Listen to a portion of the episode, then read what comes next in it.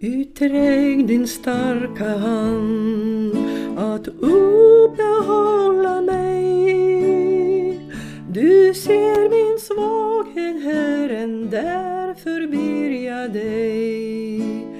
Styrk mig dag för dag när all syns boj kvav. När frestaren vill tvivel i mitt hjärta så. Du är källan som kan giva väderkvickelse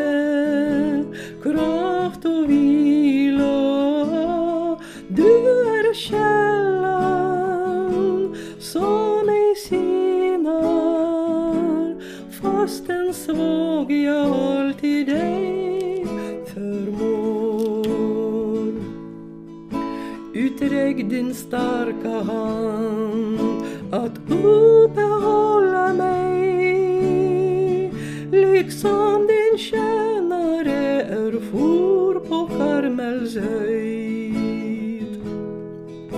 Styrk mig det god, ge mig kraft och mod.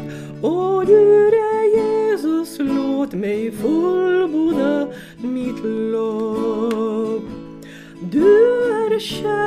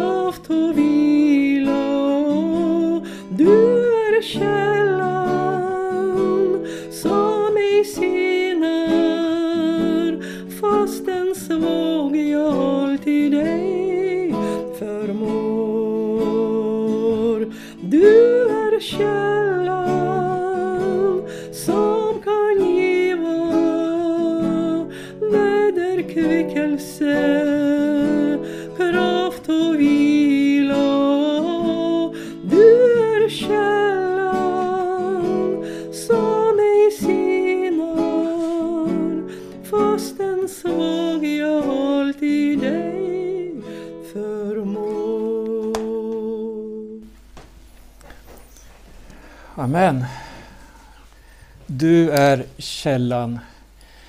Och det är faktiskt något som ger hopp och frimodighet. Vi vet att få komma till Jesus, det innebär att få en börda bortlyft, få sin synd förlåten.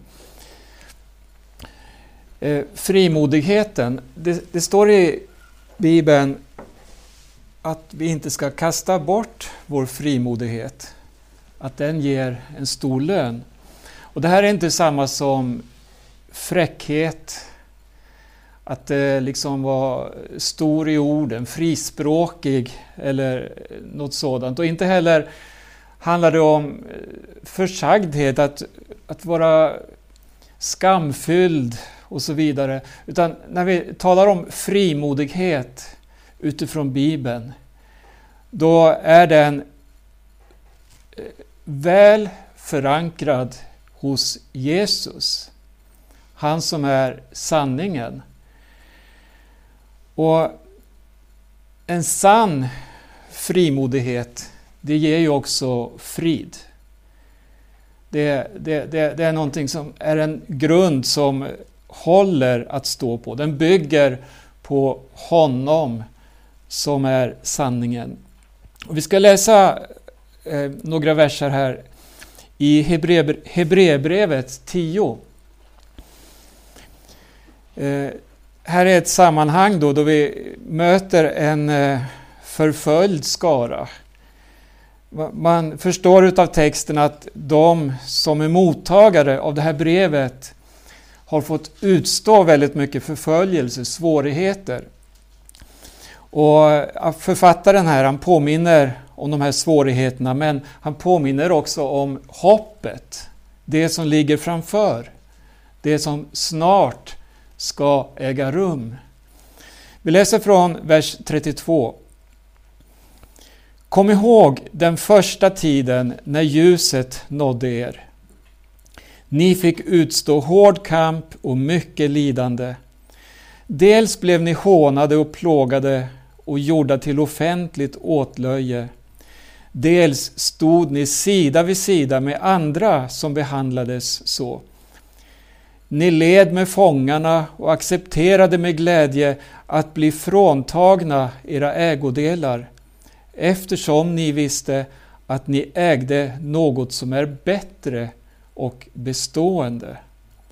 Så kasta inte bort er frimodighet. Den ger stor lön.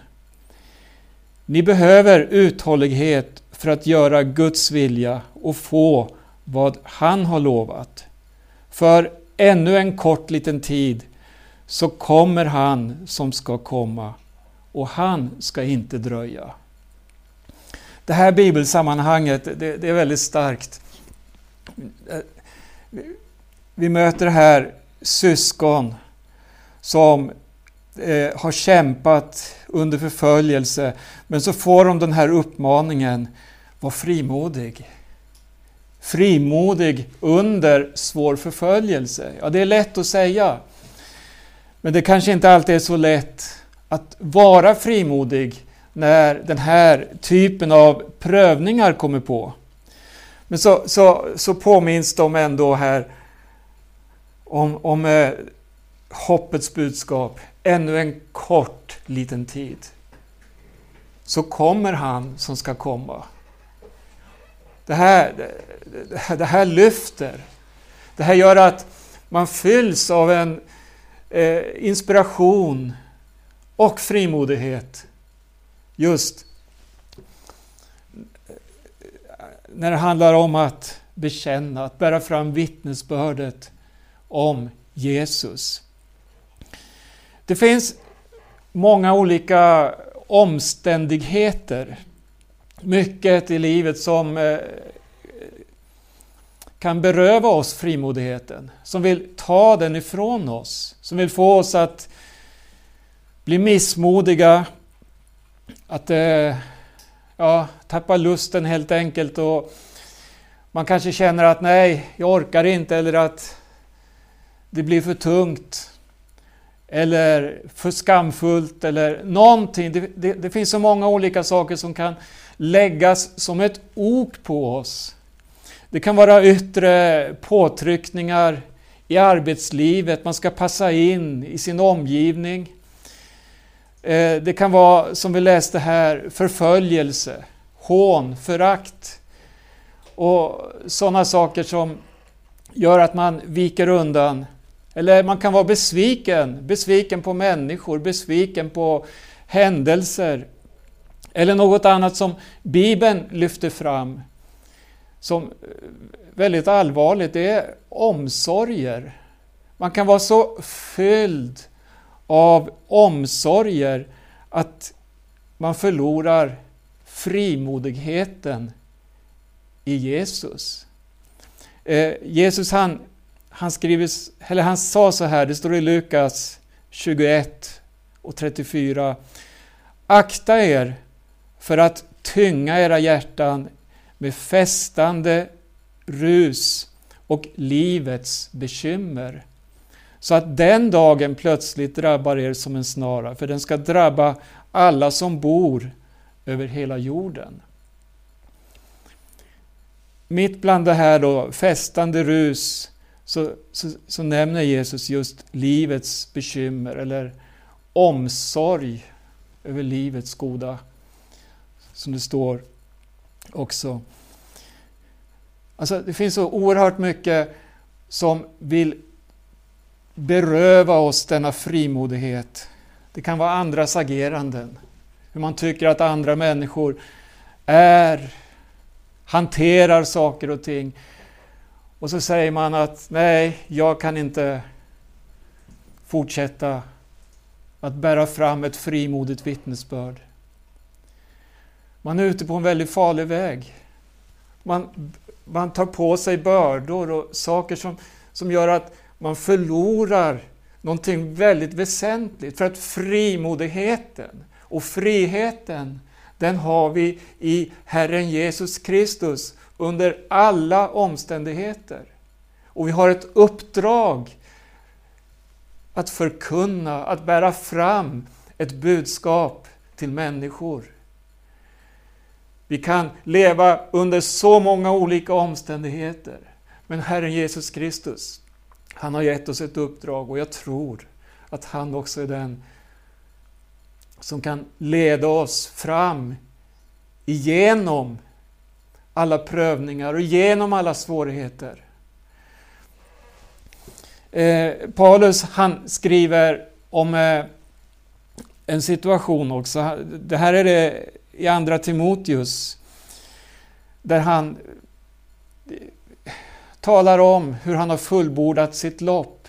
Men så nämner han eh, några personer. Han nämner personer som har övergivit honom. Han, han uttrycker ensamhet. Han sitter i fängelse. Och så skriver han om en broder, en som har varit hans medtjänare, Demas, har övergett mig, skriver han. Och så skriver han så här, han fick kärlek till den här världen och reste till Thessalonike. Thessalonike var ju en kustnära stad, ja det är det fortfarande. Dit reste Demas, inte för att frimodigt bära fram ett vittnesbörd, förstår man här. Utan här var det något som hade gått förlorat på grund av kärlek till den här världen. Det är också allvarligt.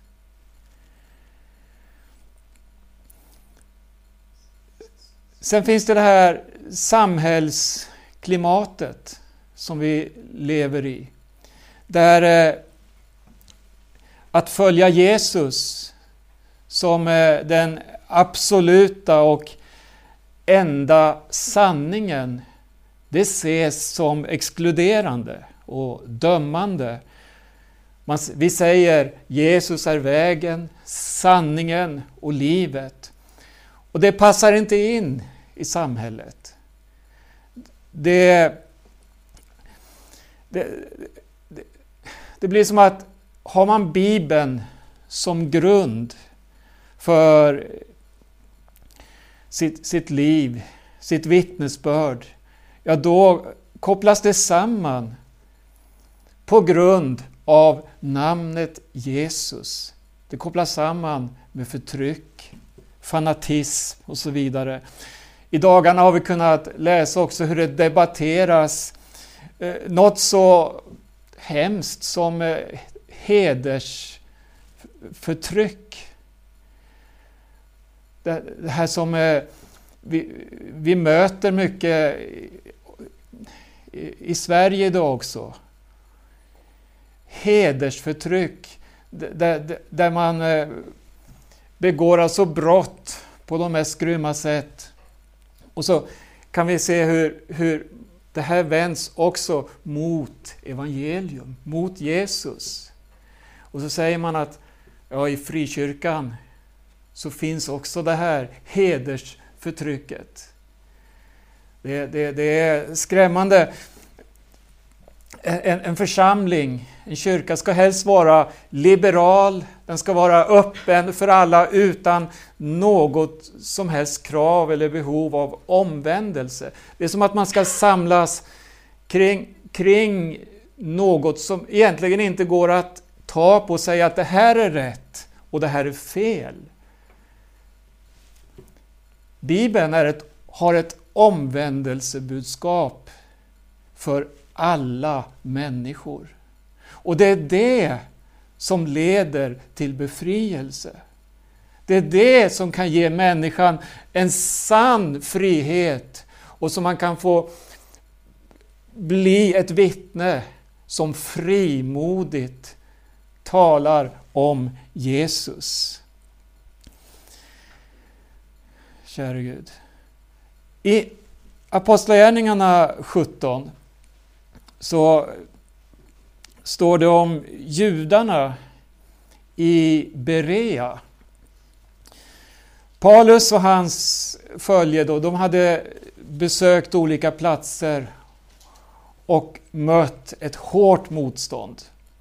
De hade ju frimodigt gått in i synagogan och talat evangelium. De hade blivit jagade från olika platser.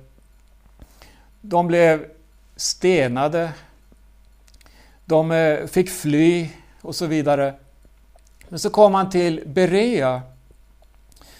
Då står det så här i Apostlagärningarna 17 och 11.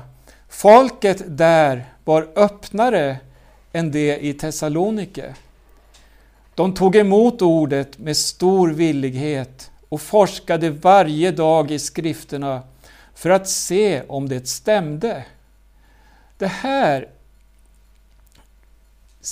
eh, är ett budskap som idag ses som väldigt, vad ska man säga, fanatiskt.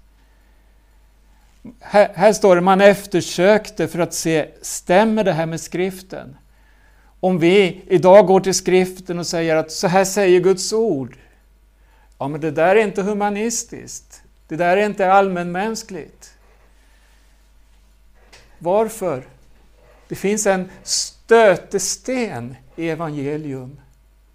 Det finns ett hinder för människan som gör att hon inte kan framhärda på sin väg, utan man får möta ett hinder. Och när man ser att det här hindret är faktiskt till väckelse, det här hindret som man möter på vägen, det är till ett uppvaknande. Och det är det, Guds ord är sanning. Guds ord är frigörande. Guds ord är svaret till människan idag.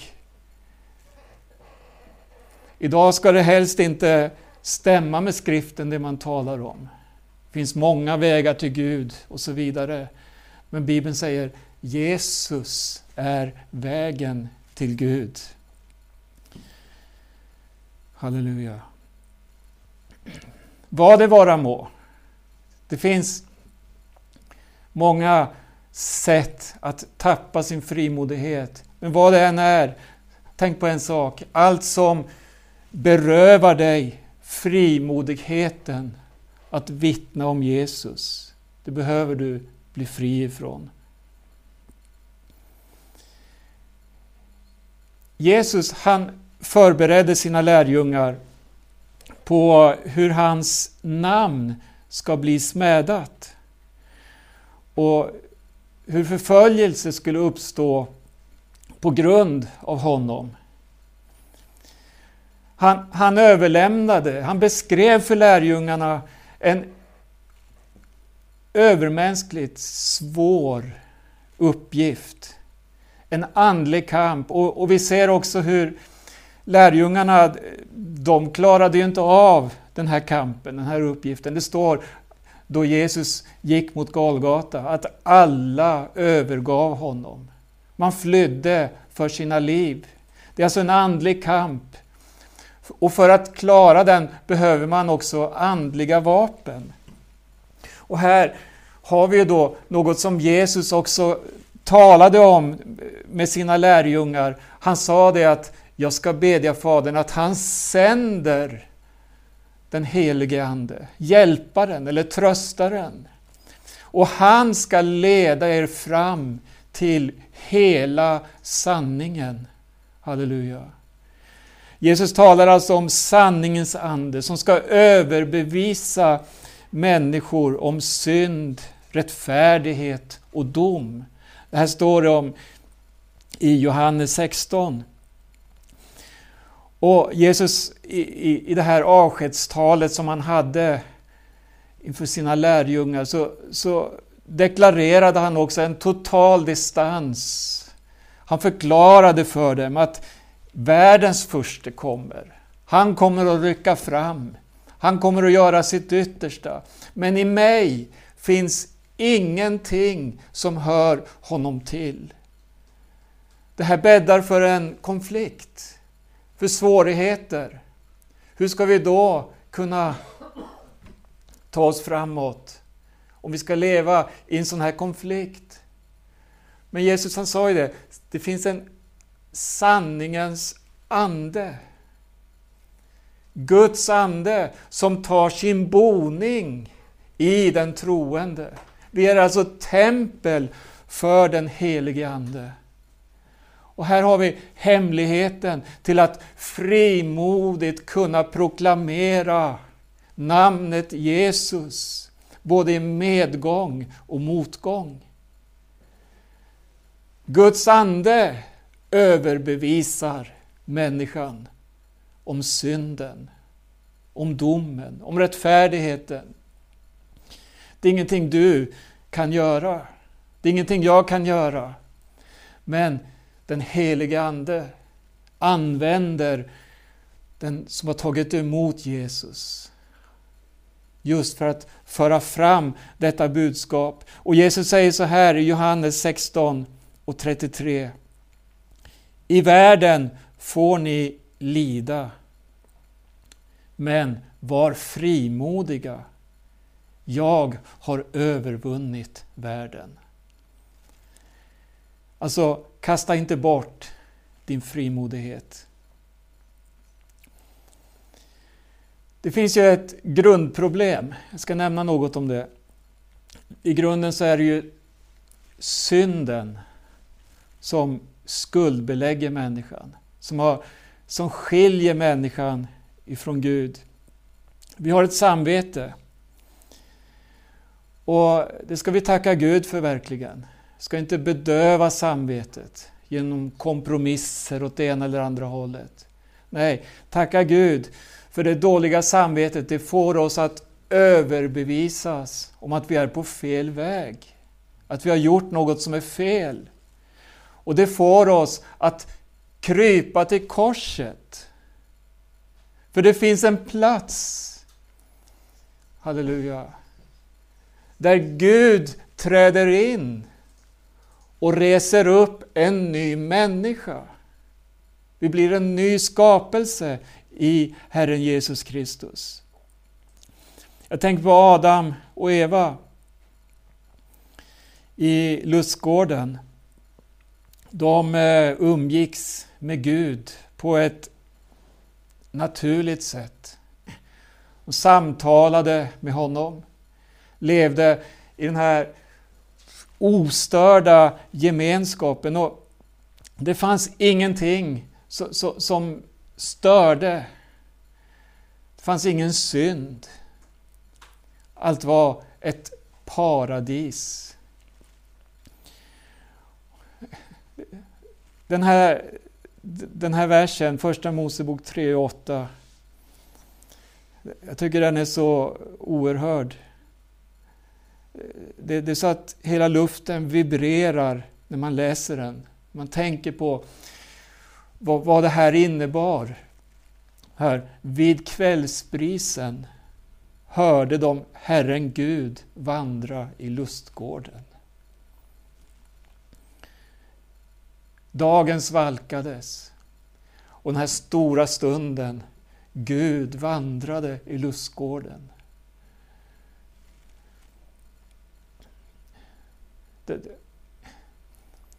Tänk, tänk att få uppleva den här gemenskapen med Gud. Ostört, obrutet, befriat från synd, befriat från fördömelse, från skam.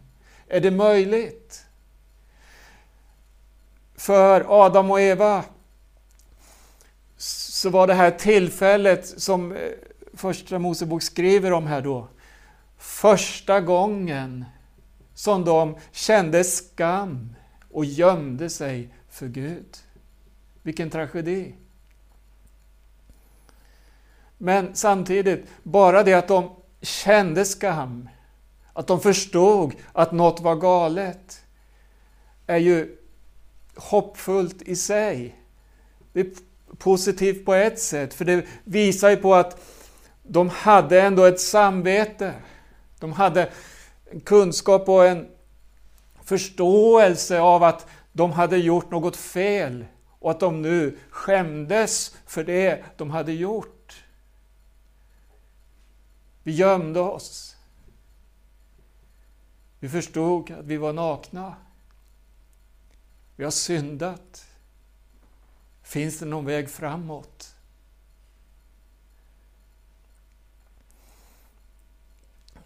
Synden är orsaken till all ondska på jorden. Synden är orsaken till allt elände vi ser, allt som människor plågas av.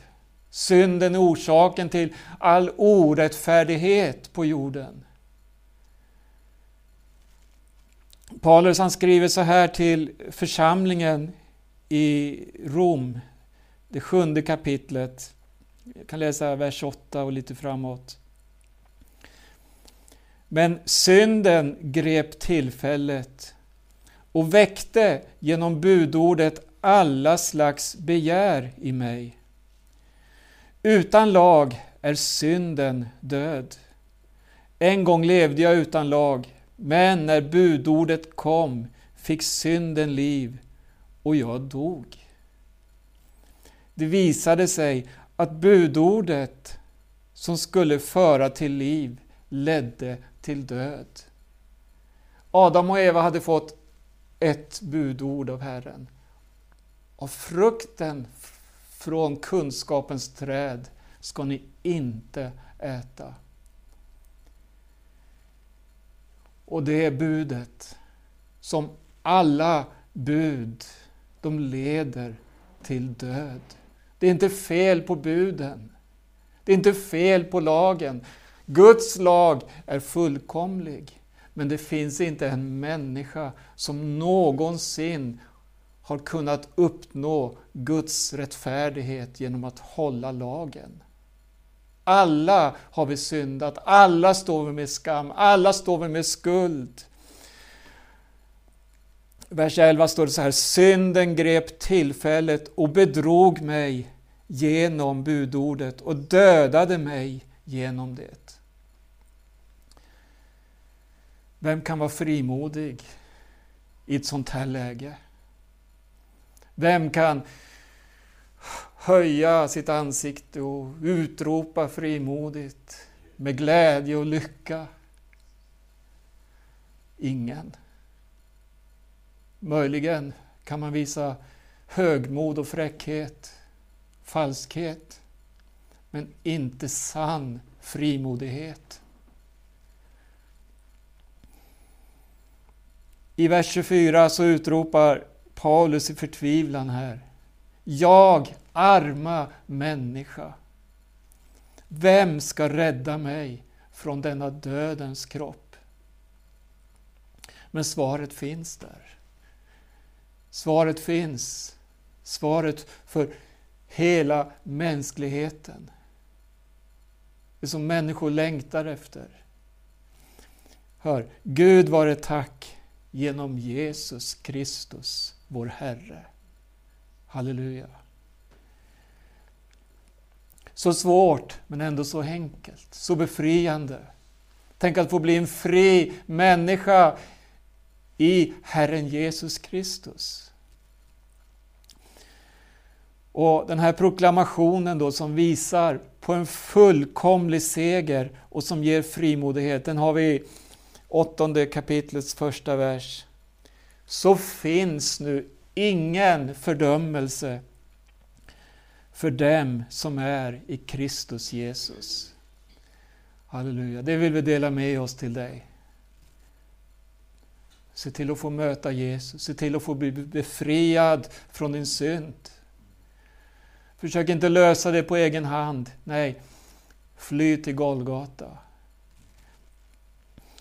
Bibeln talar mycket om vår eh, relation till Jesus som något primärt som vi behöver vårda.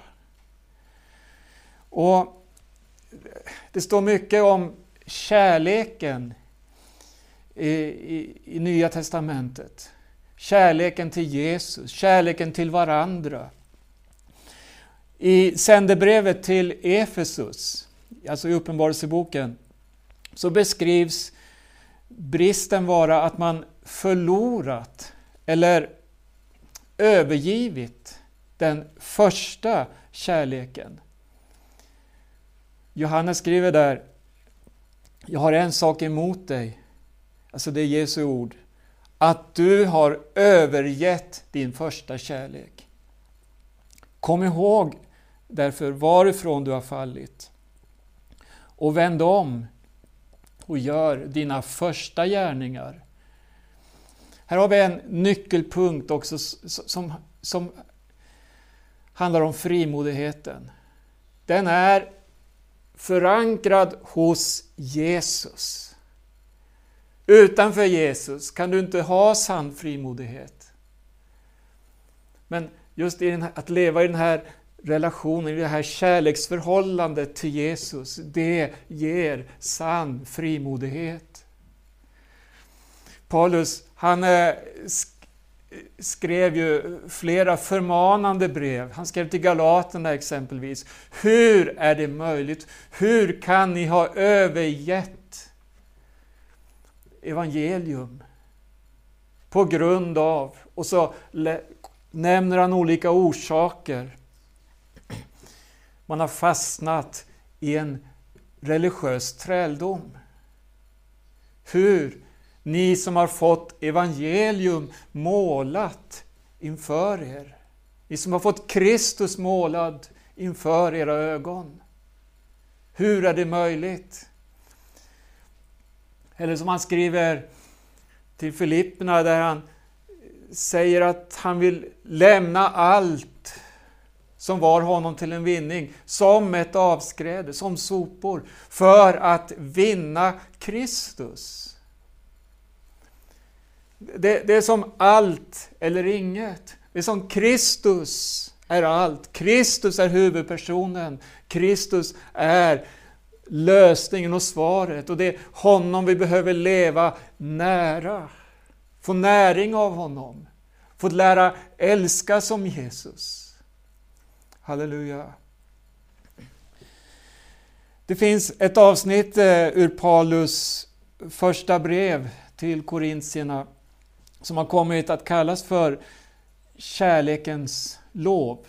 Och när Bibeln talar om kärlek så är ju det, om man säger sann kärlek, är synonymt med Gud själv. I första Johannes 4 och 7, så, så, så, vi kan läsa några verser här. Första Johannes 4 och 7. Mina älskade, låt oss älska varandra, för kärleken kommer från Gud. Var och en som älskar är född av Gud och känner Gud.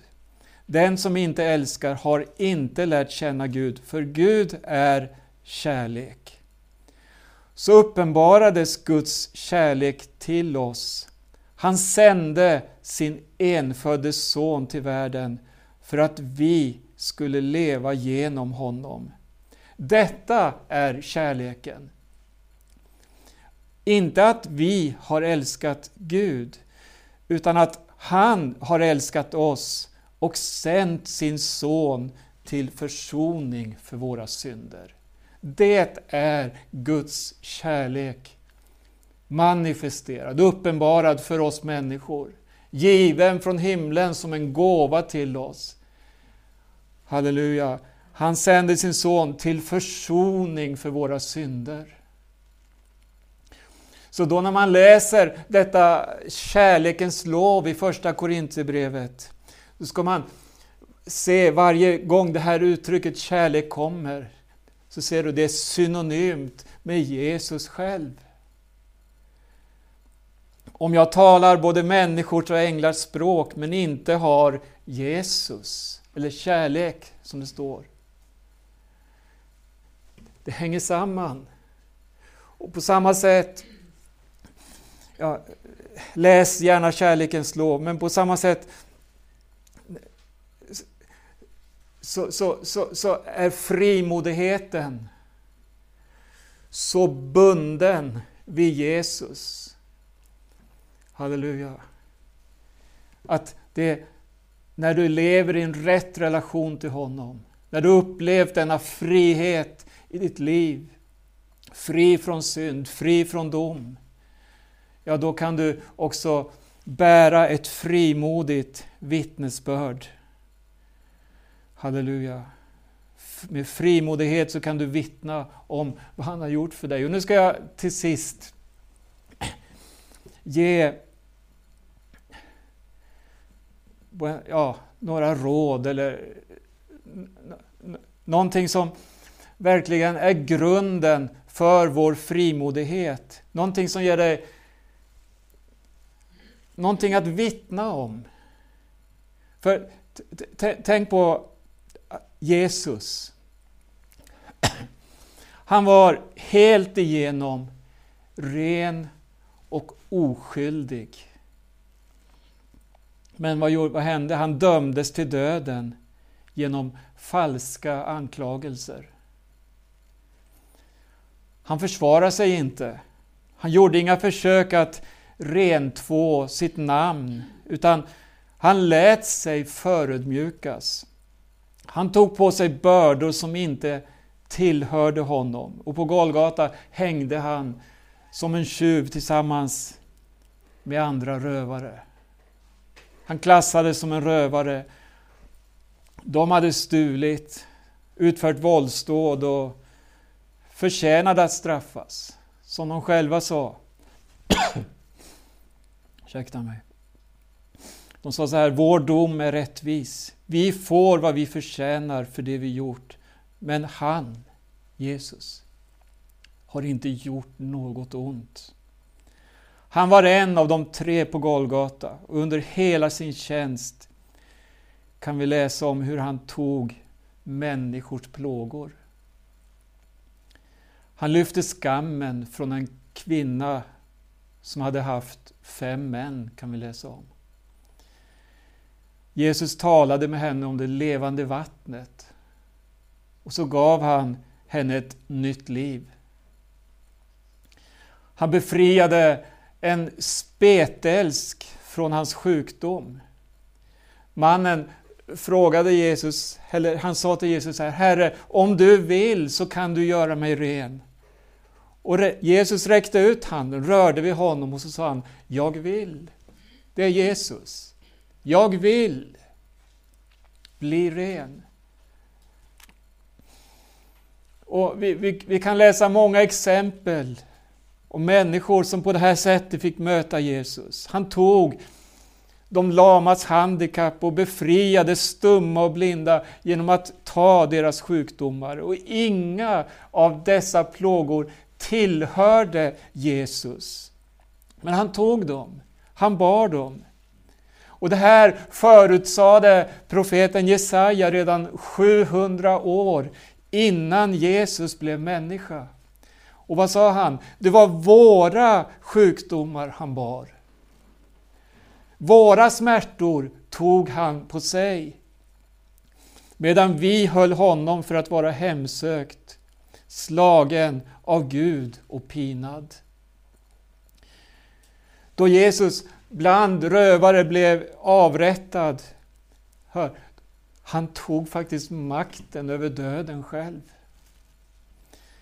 Vilket är människans ultimata fiende. Han steg ner i dödsriket. Han tog fångar och befriade och så tog han också nycklarna till döden och dödsriket. Han vann alltså en evig seger på Golgata.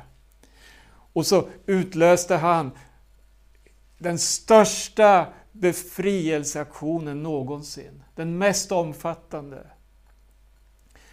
Efter att ha blivit begravd. I sin död. Döden berövades sin makt, verkligen, genom att Jesus, han uppstod från de döda. Och i triumf så tågade han ut ur dödsriket. Han steg upp i höjden, står det i Bibeln. Han tog fångar och gav människorna gåvor. Halleluja. Här, här är nyckeln till vår frimodighet. Här, det är en solid grund att stå på. Det är en solid grund som gör att vi i alla situationer har ett frimodigt vittnesbörd om Herren Jesus Kristus. Paulus skriver så här i första Korinthierbrevet 15, det uppståndelsekapitlet. Om det bara är för detta livet vi har vårt hopp till Kristus, då är vi de ömkligaste av alla människor. Alltså om Kristus inte har uppstått, då är vår tro meningslös. Men, fortsätter han, nu har Kristus uppstått från de döda. Ta emot Jesus. Bli befriad. Han, är, han dog, han bar dina synder. Han uppstod från de döda och han vill ge dig ett nytt liv. Ett uppståndelseliv. Då får du också bli en bärare av denna frimodighet och så du kan utropa till människor. Halleluja. Ta emot Jesus. Bli frälst. Halleluja. Ja, det här blir min hälsning till er i den här sändningen. Kära Herre Jesus.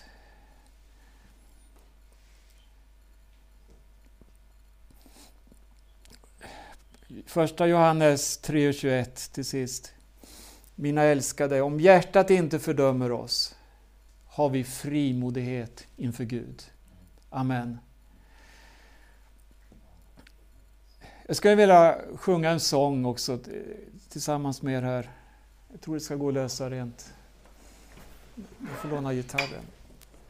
Det är den här äh, 412 i Sälaregn.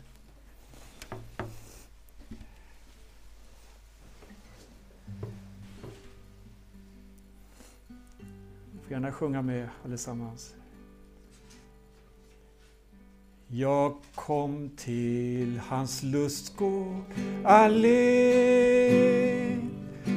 medan daggen låg kvar på var blomma och en röst jag hör som mig salig gör. Du får till mig nu komma. Och jag hör hans röst i mitt eget bröst och han säger att jag är hans. Sorg och oro fly för en glädje ny vars like där aldrig fanns. Han talar med stämma så mild så att fåglarna upphör att sjunga.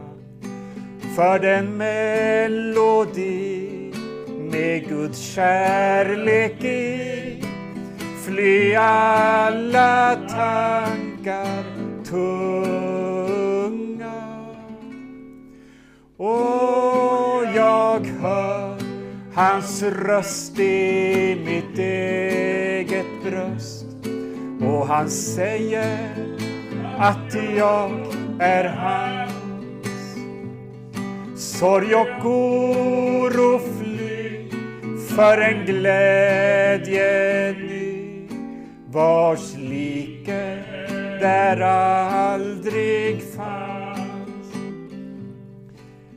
I lustgården dröja jag vill men där utanför ropar mig nöden och han ber mig gå till de fallna små för dem han i döden. Och jag hör hans röst i mitt eget bröst och han säger att jag är hans. Sorg och oro fly för en glädje ny vars like smetterà aldrig